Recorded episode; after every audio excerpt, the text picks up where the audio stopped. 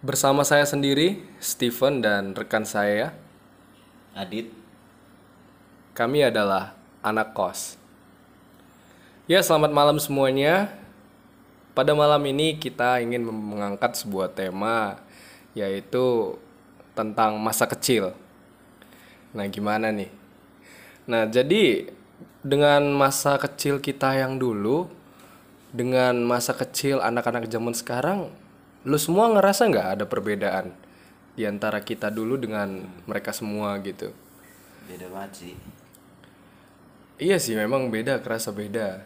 Di di mana zaman dulu itu kita masih main-main kelereng gitu ya. Evan bareng Iya, biasanya malam minggu tuh malamnya merdekanya ini dah anak-anak komplek gitu. Merdekanya anak-anak sekolah gitu. anak-anak kampungan eh kam- kampung Enggak kampungan. ini apa anak-anak desa lah kampung gitu main Ya, tapi lebih tepatnya sih semua anak-anak sih. iya Universal soalnya. Dan kita membahas di negara kita aja sih.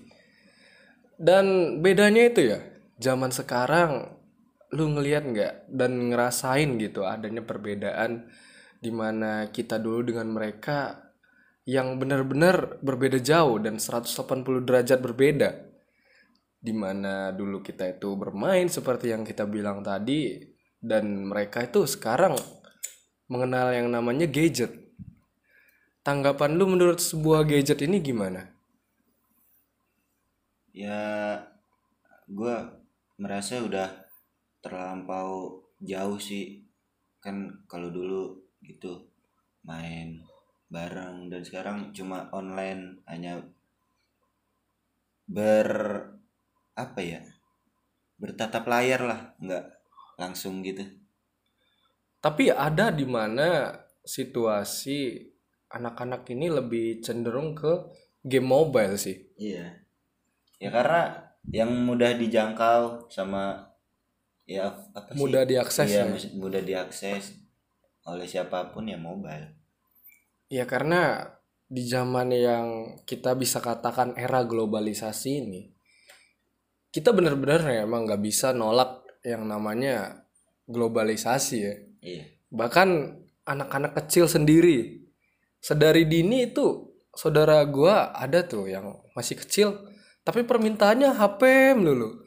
Ketika ngumpul gitu keluarga mintanya HP gitu. Kalau zaman dulu kan kalau gua nih ya, gua datang ke rumah saudara gitu. Eh dia dia punya anak kecil gitu atau ya seumuran gua lah misalnya 4 tahun, lima tahun. Nah, situ zaman-zamannya mobil-mobilan tuh. ya, punya mainan Hot Wheels, Hot Wheels. Wheels Nah, koleksi Iya nggak koleksi sih, dibeliin banyak gitu kan. Ya zaman dulu kan kebahagiaan kebahagiaan kita lah.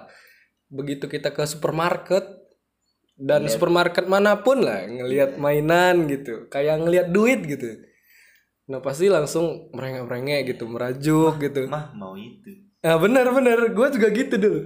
Jadi berbeda sih emang. Ketika kita dulu itu datang ke rumah saudara dan rebutan mobil-mobilan, padahal itu hak milik dia, tapi kita kayak pengen ngambil aja gitu kayak Iya. milik kita gitu. Ntar pulangnya nangis gitu, kadang gara-gara berantem sama iya berantem, itu. berantem.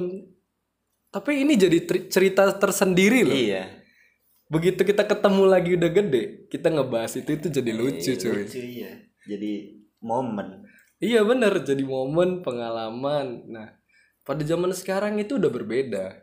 Dan di mana kita lihat nggak usah jauh-jauh dah anak-anak Indonesia. Saudara kita sendiri pasti lu punya saudara dong yang masih punya kecil. nah gue punya cerita nih Gimana? ya kan dulu kumpul lebaran kemarin sih kan kalau lebaran gue sering kumpul-kumpul gitu sekeluarga nah ada tuh saudara gue satu kucuk kucuk kucuk nanyain gue gue lagi megang hp sih ya lagi nggak main padahal. Nah tiba-tiba tuh bocah saudara gue nanyain mas mas ranknya apa? Udah rank berapa? Wah, Mobile Legend ya? Oh iya dong, pasti itu game. Game legendaris zaman game sekarang. Segala usia lah. Bahkan ini Kang parkir aja kalau lagi kosong gitu udah mabar mabar sesama tukang parkir gitu. Dan siapa tahu mereka bikin klan. Ikut turne kampung ya. Turne antar jalanan ini. Antar bupaten. Lu jalan mana? Jalan ini versus eh tapi kemarin ada berita loh. Tahu gak lo berita apaan? Itu yang di mana sih? Yang Kalimantan apa mana gitu? Lomba Free Fire. Nah ujung-ujungnya rusuh. Lah. Rumah apa bukan rumah sih lokasi itu tuh diacak-acak jadi arena tarung malah. Gara-gara free fire? Iya. Wow gila. Lokasinya hancur sehancur-hancurnya. Itu wah gila sih. Gue kemarin juga kaget tuh sampai segitunya ya dampak dari globalisasi itu sendiri. Bukan globalisasi sih apa sih? Dampak dari kita nggak bisa Iya sih. mengatur. Sebenarnya gua setuju sih dengan perkembangan era globalisasi. Yang gak setujunya itu lebih ke gimana cara kita menerimanya. Banyak orang Indonesia kaget gitu menerima efek dari globalisasi. Globalisasi sebenarnya nggak salah. Hmm. globalisasi itu bagus karena kita salah satu termasuk negara yang belum maju. Masih negara berkembang, bener. Cuma kita kurang edukasi.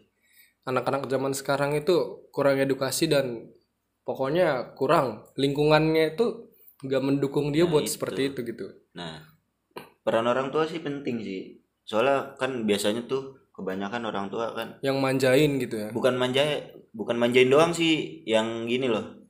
Daripada ribut. Nah iya.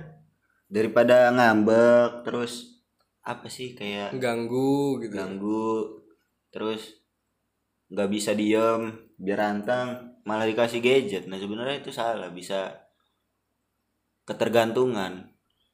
Iya bener sih. Iya. Zaman sekarang tuh ngelihat kalau misalnya ke rumah saudara yang punya anak kecil mainan itu kayak nggak ada harganya loh.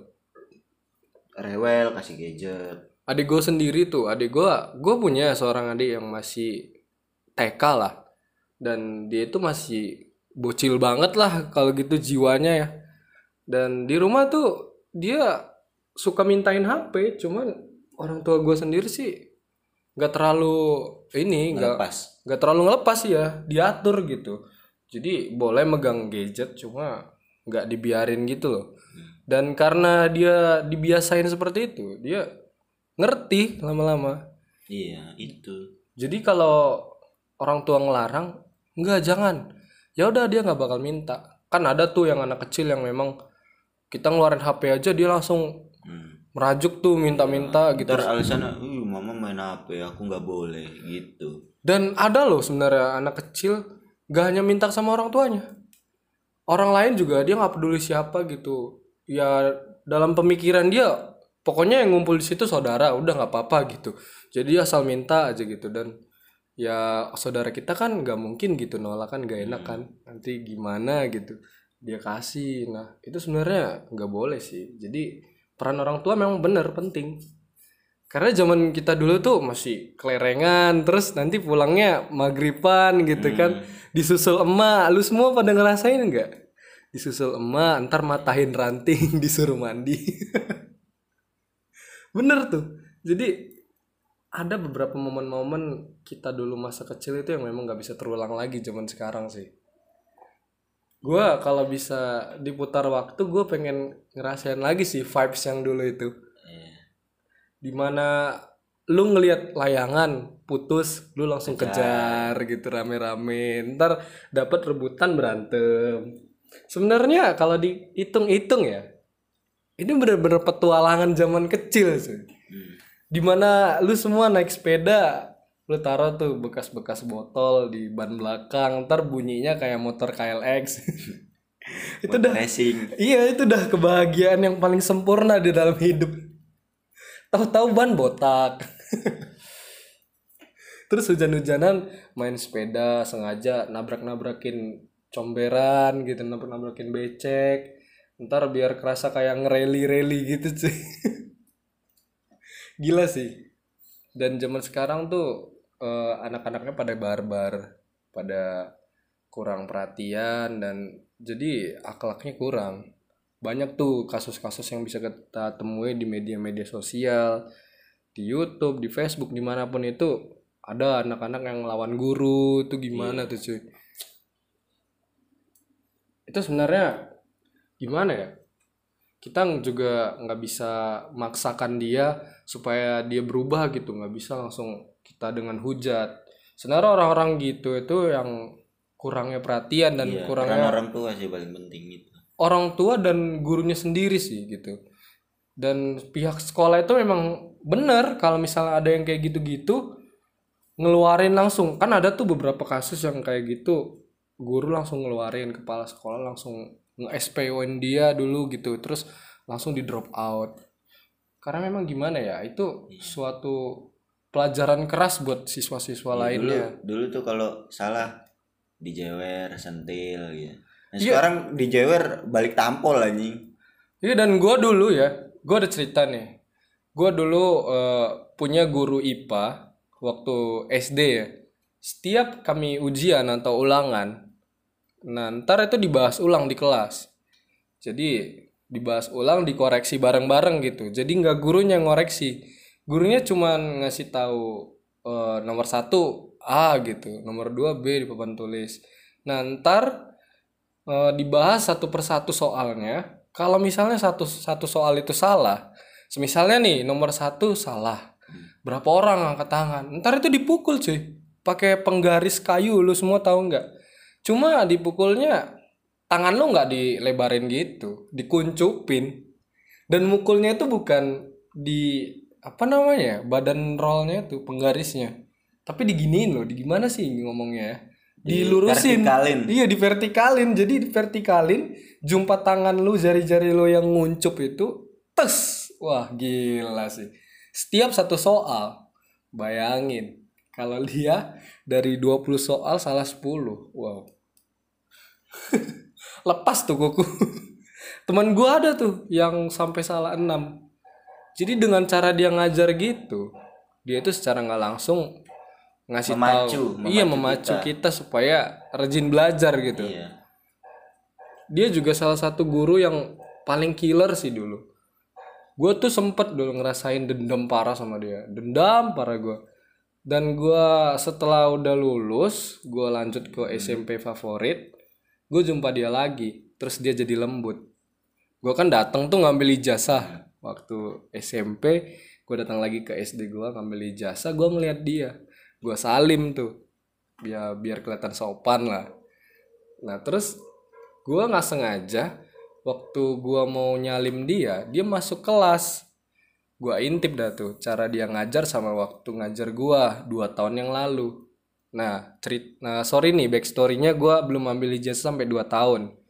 Karena ada permasalahan lah sedikit. Nah gue ambil gue lihat dia ngajar ternyata cara ngajarnya udah berubah udah lembut. Itu kenapa? Sejak adanya kasus eh, guru kasar ke murid dilaporin. Oh di- dilaporin. dilaporin. lu tahu nggak tuh? Tahu nah dilaporin. Di situ sekolah-sekolah di seluruh Indonesia itu kayak melakukan suatu rapat lah pas pertemuan guru gue nggak tahu. Tapi gue yakin sih itu antar guru dibahas. Nggak mungkin enggak. Karena bener-bener yang namanya sekarang itu kita nggak bisa ngerasin anak. Nanti kerasin dikit bakal lapor gitu ke pihak perlindungan anak. Padahal kan cara kasar gitu buat anak Iya. ngebentuk mental lah gitu kalau kita bilang. iya karena banyak zaman sekarang tuh yang mentalnya kurang cuy. Dari dia tampil di depan panggung gitu tampil di depan semua teman-temannya zaman sekarang itu jadi kurang mental gitu. Tapi nggak semua pasti ada beberapa yang memang dia cukup pede. Dan ngomongin zaman dulu tuh ya zaman di mana-mana masa-masa keemasan lah. Kemasan apa tuh eh zaman-zaman keemasan loh. Semua bisa di kita ungkapkan gitu kita kita katakan gitu. Zaman dulu lu SD uang jajan berapa? Tiga ribu.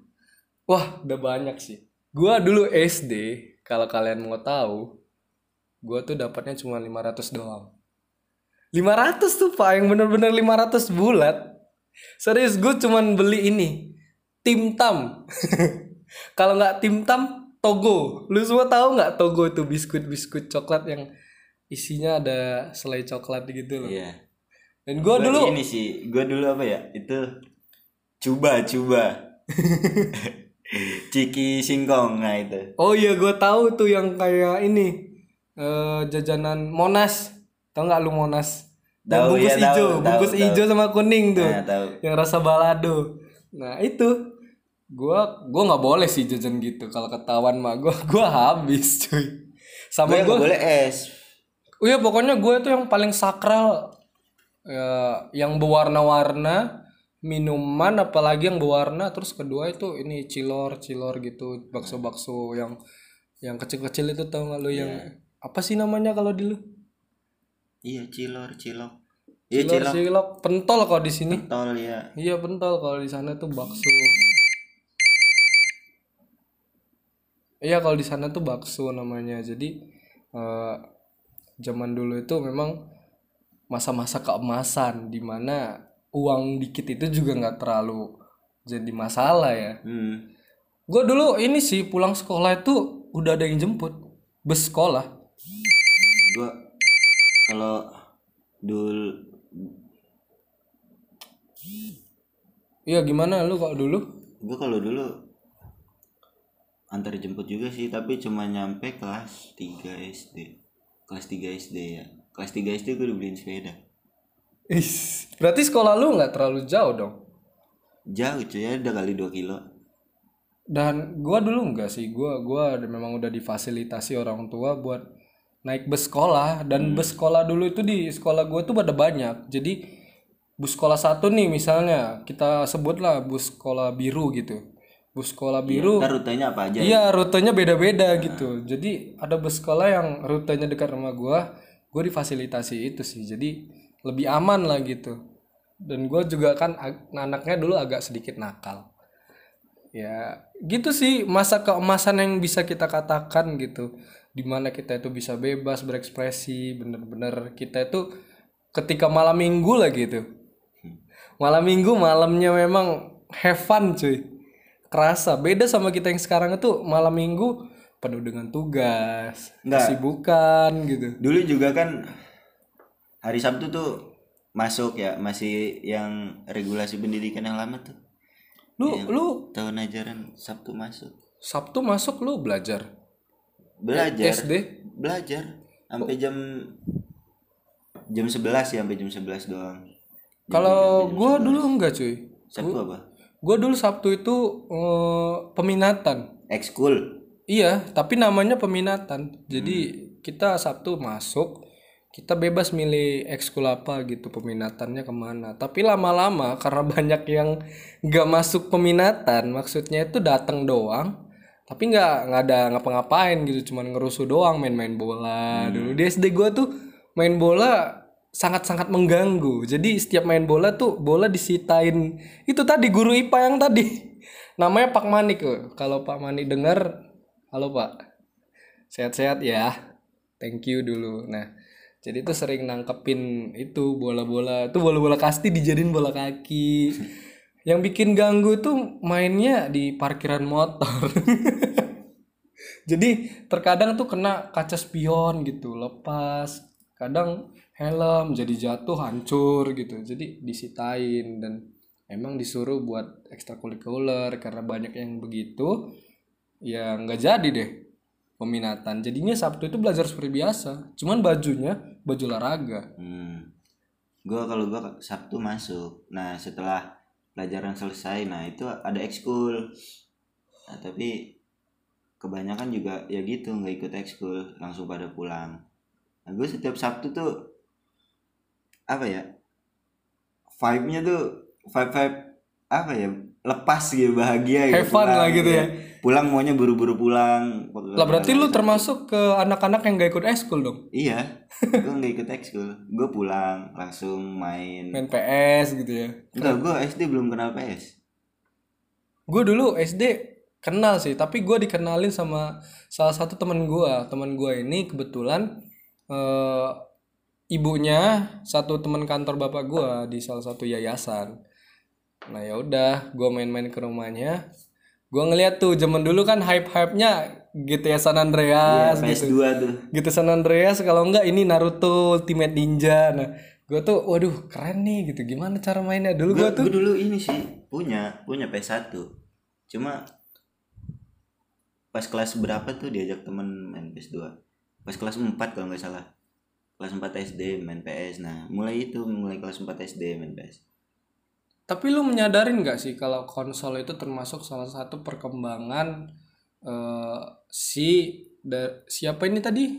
Eh, sosok dari globalisasi. Lu sadar nggak? Kemajuan zamannya iya bener. Iya sih. Karena tapi cuma dulu kan kalau main PS nih kalau main di rumah punya PS sendiri pasti lu bawaannya cepet bosen gitu. Nah gue dulu juga gitu punya PS tapi gue mainnya ke rental. Ya karena kita sadar gitu di situ kita nggak punya teman main. Nah di situ juga belum ada fitur online. Bener. Nah, kebebasan berinternet sekarang itu juga salah satu efek dari globalisasi. Cuma gua menentang keras yang namanya internet itu merusak eh, anak-anak bangsa sih. Gue menentang keras karena yang namanya globalisasi itu pertama kita nggak bisa menolak. Kedua kita harus pinter dalam memfilter semuanya. Jadi dari konten-konten yang sensitif, konten-konten yang berbau sara, itu memang harus kita pelajari sih dari dini sebelum kita menyentuh yang namanya internet iya. karena di mana yang harus namanya ada edukasinya dulu iya bener karena yang namanya internet itu definisi internet itu sebuah kebebasan sebuah kebebasan yang bukan lagi eh, ranah lokal gitu. Tapi ranahnya udah internasional. internasional. Kita bisa dengan gampang gitu berinteraksi dengan orang-orang luar sana dengan berbagai macam aplikasi yang bisa kita temuin lah. Kita bisa langsung kadang bertatap muka gitu.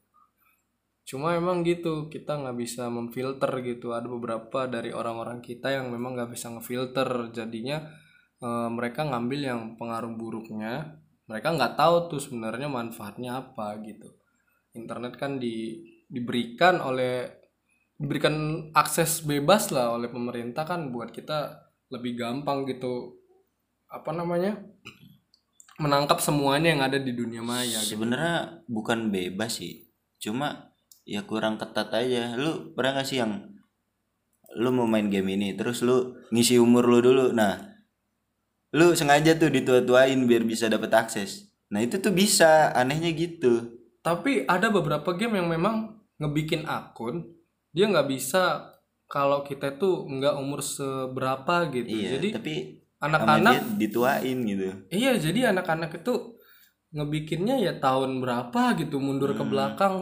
Bahkan gue sendiri pernah tuh zaman zamannya Facebook lagi hype. iya Nah gua nah di situ kan Facebook nggak bisa tuh dibikin tahun 2000 kelahiran. Mm-mm. Dan BTW nih cuy gue kelahiran 2000 nah. Di situ nggak bisa tahun 2000 karena katanya masih di bawah umur. Disarankan harus tahun segini segini segini. Nah, gue dapat info itu dari salah satu eh, keluarga gua sepupu lah yang cewek udah eh, dia udah memasuki SMA sih. Jadi dia ngajarin gua tuh caranya. Dan gue inget parah itu gua di warnet.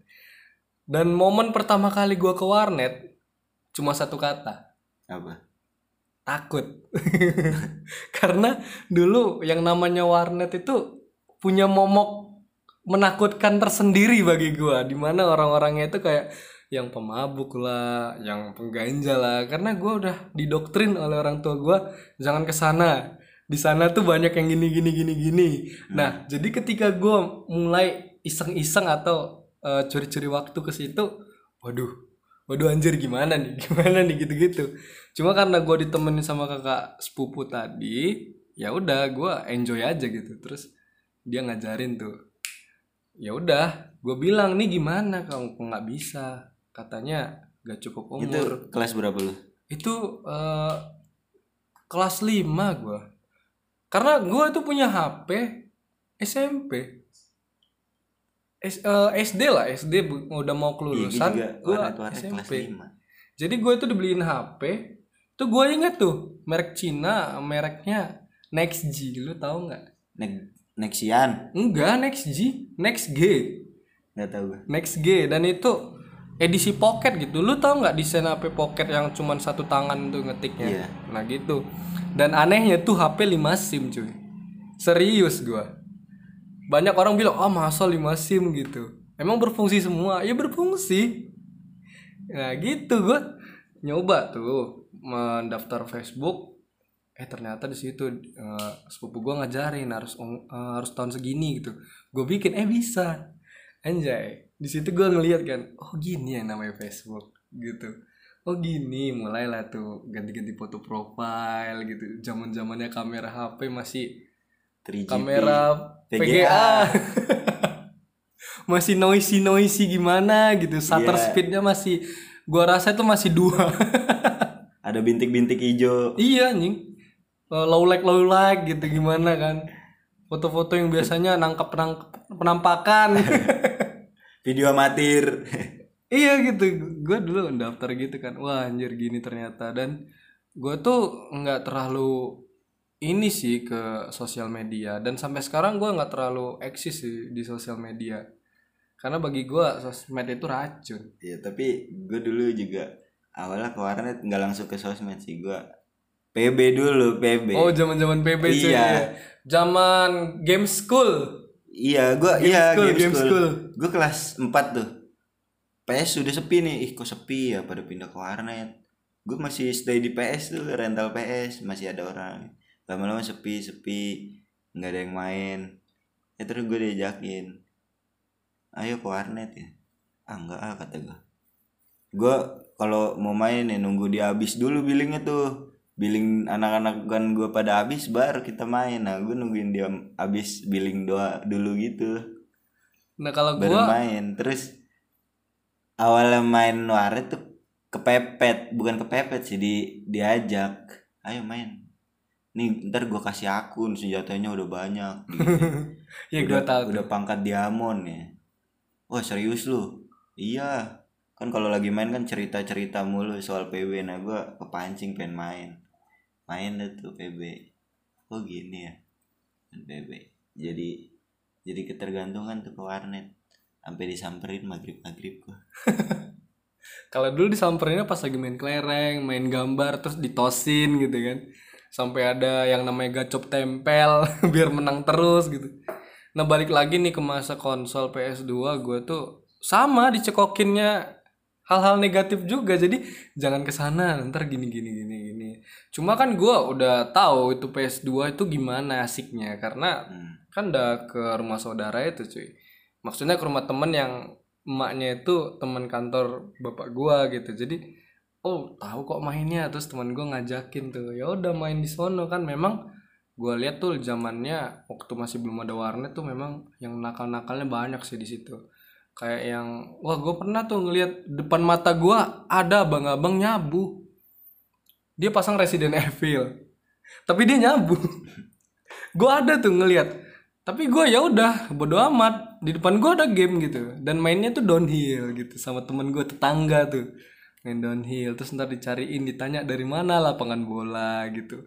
Nah dari situ mulai bibit-bibit kenakalan. Dari situ makin lama gue besar gue gue sadar oh iya ini ini nggak bener sih gini gitu terus bapak gue kan resah tuh karena banyak tindak kejahatan yang bersarang di situ gitu. Hmm. jadi mereka tuh ngebikin suatu apa sih namanya kayak mintain suara daerah situ suara orang dari situ buat nandatanganin iya ngevoting biar itu tutup gitu. Biar dikasih ke polisi biar diamanin gitu. Akhirnya setuju tuh semua orang perumahan dan akhirnya tuh ditutup gitu. Karena emang yang punya sendiri gua gua buka-bukaan aja tuh. Yang punya tuh eh, Bandar. belum nikah. Enggak enggak belum nikah. Gue belum berani bilang bandar sih. Dia belum nikah. Terus dia ngewe itu dibuka aja pintu serius gua. Jadi ini bayangin bayangin lu semua ya ini rumah gitu. Di ruang tamunya itu semua PS-nya berjejer bentuk letter L. Hmm. gitu. Karena rumahnya kotak doang kan. Iya. terus di situ ada kamar. Nah kamarnya dibuka doang. Dibuka dalam arti ya enggak belak belakan belak belakan gitu enggak pintunya dibuka tapi ditutupin kain horden gitu doang. Heeh. terus kain hordennya tuh nggak nutup full jadi kayak setengah-setengah aja gitu. Terus mereka ngewe di situ anjing. Serius gue ngeliat depan mata kepala gue sendiri. Wah gila sih ini. Nah dari situlah mulai kan wih apa ini kok seru gitu nah mulai tuh wawasan baru. Nah, nah di sini mulai nakal lagi. Nakal laginya itu mulai yang kenal namanya. Bokep. Iya bener. Temen gua tuh selalu wah lu lu udah ngocok belum? Wah gila sih. Gua nggak ngerti dulu kan wah nggak ngerti gua. Terus ikut-ikut mereka bahas-bahas seperti itu hingga akhirnya gua paham. Dan gua nyoba. Oh gini rasanya. Dan gua semakin dewasa gue gue nemu ini suatu artikel sama video kalau itu bahaya gitu. Jadi gue oh gila sih. Berarti yang gue jalanin ini bener-bener pengalaman gitu ya. Hmm, yang tapi bener-bener berarti gitu. Tapi gimana Matt kalau yang tadi balik ke tadi lagi kalau nggak ada peran orang tua. wawasan orang tua nah bisa salah jalan gitu. Oh iya gue punya cerita lagi nih cuy. Eh, waktu gue SD gue libur tuh kan mau ke SMP ya kan. Hmm. gue pacaran sama tetangga sebelah anjay. Anak SD udah pacaran cuy. Gue pacaran sama tetangga sebelah. Tetangga sebelah ini eh, bisa dibilang dari keluarga yang memang menengah ke bawah. Jadi dia tuh punya anak 8 Anjay. serius gue 8 dan gue pacaran sama anak keduanya. Anak keduanya ini beda tiga tahun sama gue serius. Jadi gue kan sempat broken home tuh. Jadi gue sendiri di rumah sama adik gue doang. Terus adik gue kalau pulang sekolah gitu dititipin. Jadi gue sendiri. Nah gue kan butuh ini kasih sayang. Ih jailah kasih sayang. Terus gue sering ngobrol tuh sama dia. Eh jad- jadian tuh nggak? Gue juga lupa gimana ceritanya bisa jadian. Pokoknya kita dua jadian gitu. Nah pas bapak sama ibu gue ini udah baikan udah udah situasi udah enak nih. Udah kondusif. Iya ada kondusif. Jadi ceritanya waktu gue bikin FB itu FB dikontrol bapak gue. Dengan kata lain dikontrol itu bukan di stalking enggak cuy. Jadi password sama emailnya diminta. Karena kan ketika kita daftar email kan dia diminta nomor telepon kan. Nah di situ pakai nomor telepon bapak gua. Jadi itu kan minta verifikasi biar kita bisa nelusuri beranda lebih jauh kan. Hmm. Ya udah gue bilang di rumah pak tadi aku bikin Facebook terus emailnya aku bikin tapi disuruh eh, bikin nomor telepon katanya buat verifikasi. Oh ya udah apa passwordnya? Ya udah dia login tuh. Nah gua kan dulu HP-nya ya Cina tadi kan, Cina-Cina gitu. Nah dulu kan zamannya pacaran SMS-an. Lu, lu sempet nggak? sempet semesan beli pulsa goceng Iya bener pulsa aja. goceng. Eh gua nggak seminggu cuy, dua hari. Dan jarak gua ke tukang ponsel itu jauh. ya lu nggak beli paket SMS sih dulu Enggak, dulu nggak ada paket SMS. Jadi dulu itu lu kirim berapa SMS dapat gratis 100 berapa gitu SMS Oh, iya, itu, gratis. iya, iya, bener. Gue dulu gitu ya taunya kan tuh SMS kan eh, dia bilang 100 berapa. Kita kan SMS-an terus. Toto nggak sadar habis tuh. Terus dimakan, makan terus pulsa, eh nggak bisa nih gitu. Oh habis pulsa, beli lagi, goceng, goceng, goceng. Jadi selalu nyisihin uang jajan gitu. Nah akhirnya ketahuan tuh sama bapak gua kan. Bapak gua nggak setuju tuh gara-gara ya emang keluarganya sendiri di perumahan itu kurang asik sih kayak emang keluarga-keluarga yang bisa dikatakan julid lah. netizen Iya netizen parah pokoknya omongannya semua sifatnya wah parah netizennya. Jadi ya udah bapak gua nggak setuju. Dia pas lagi ambil jemuran tuh pak di depan. Iya bener. Jadi jarak antara jemuran dia dengan jendela gue itu selangkah doang. Ini rumahnya yang bener-bener sebelahan. Serius, cuma dibatasin oleh bunga-bunga mak gue aja. Nah dia ngambil jemuran tuh. Dan kami tuh, eh gua lah, gua lagi di sidang sama mak bapak di ruang tengah di dekat jendela tadi. Denger tuh dia Iya denger dia, gua gua ngeliat tuh dia ngeliat ke dalam gitu. Jadi wah anjir, terus dia kayak langsung mukanya berkaca-kaca gitu, anjir disuruh putus. anjing bocah nih Bocah ini terus ditanyain tuh, kenapa pacaran? Oh, udah nggak tahan ya pengen kawin. Wah anjay itu itu nusuk sih dulu.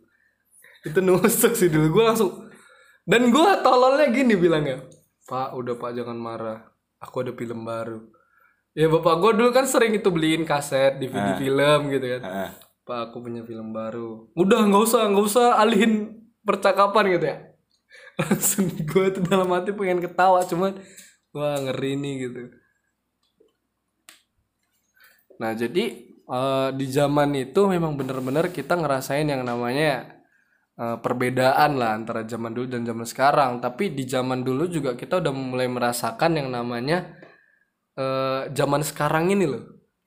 Dari mulai yang kita pacaran sejak dini bermain warnet gitu. Cuma dulu nggak diekspos, nggak di upload, nggak di Iya kalau kalau zaman dulu itu expose-nya bukan kayak sekarang sih. Di Instagram kita bebas nge-expose gitu. Di WA kita bisa bikin status nama pacar kita. Kalau zaman dulu itu expose-nya gini cuy di Facebook. Berpacaran dengan Sumpah, gue gitu serius. Zaman dulu tuh gitu serius. Jadi ya emang kerasa sih. Emang dari situ kita menyadari sekarang perkembangan globalisasi itu benar-benar cepet. Gak bisa kita tolak gitu. Cuma makin lama kan kita berpikir. Di mana kita juga orang media nih sekarang. Jadi kita paham gitu. Dan kita menyadari, oh ternyata kesenjangan juga terjadi di hal seperti ini gitu loh. Dan buat semuanya yang baru gabung podcast ini, karena podcast ini juga masih baru, eh, terima kasih yang udah mau mendengar. Eh, terima kasih juga udah support ya. Iya. Terima kasih udah support. Dengan kalian mendengar juga itu udah termasuk salah satu support dari kalian. Pokoknya mungkin segini aja pembahasan kita soal Itu dong, gimana. promosi. Oh iya iya. Jadi kita punya branding yang nama brandnya tuh Illuminate Area. Jadi sekalian kita mau promi- promosiin buat kalian semua pendengar. Dijamin kaos itu sabi sih.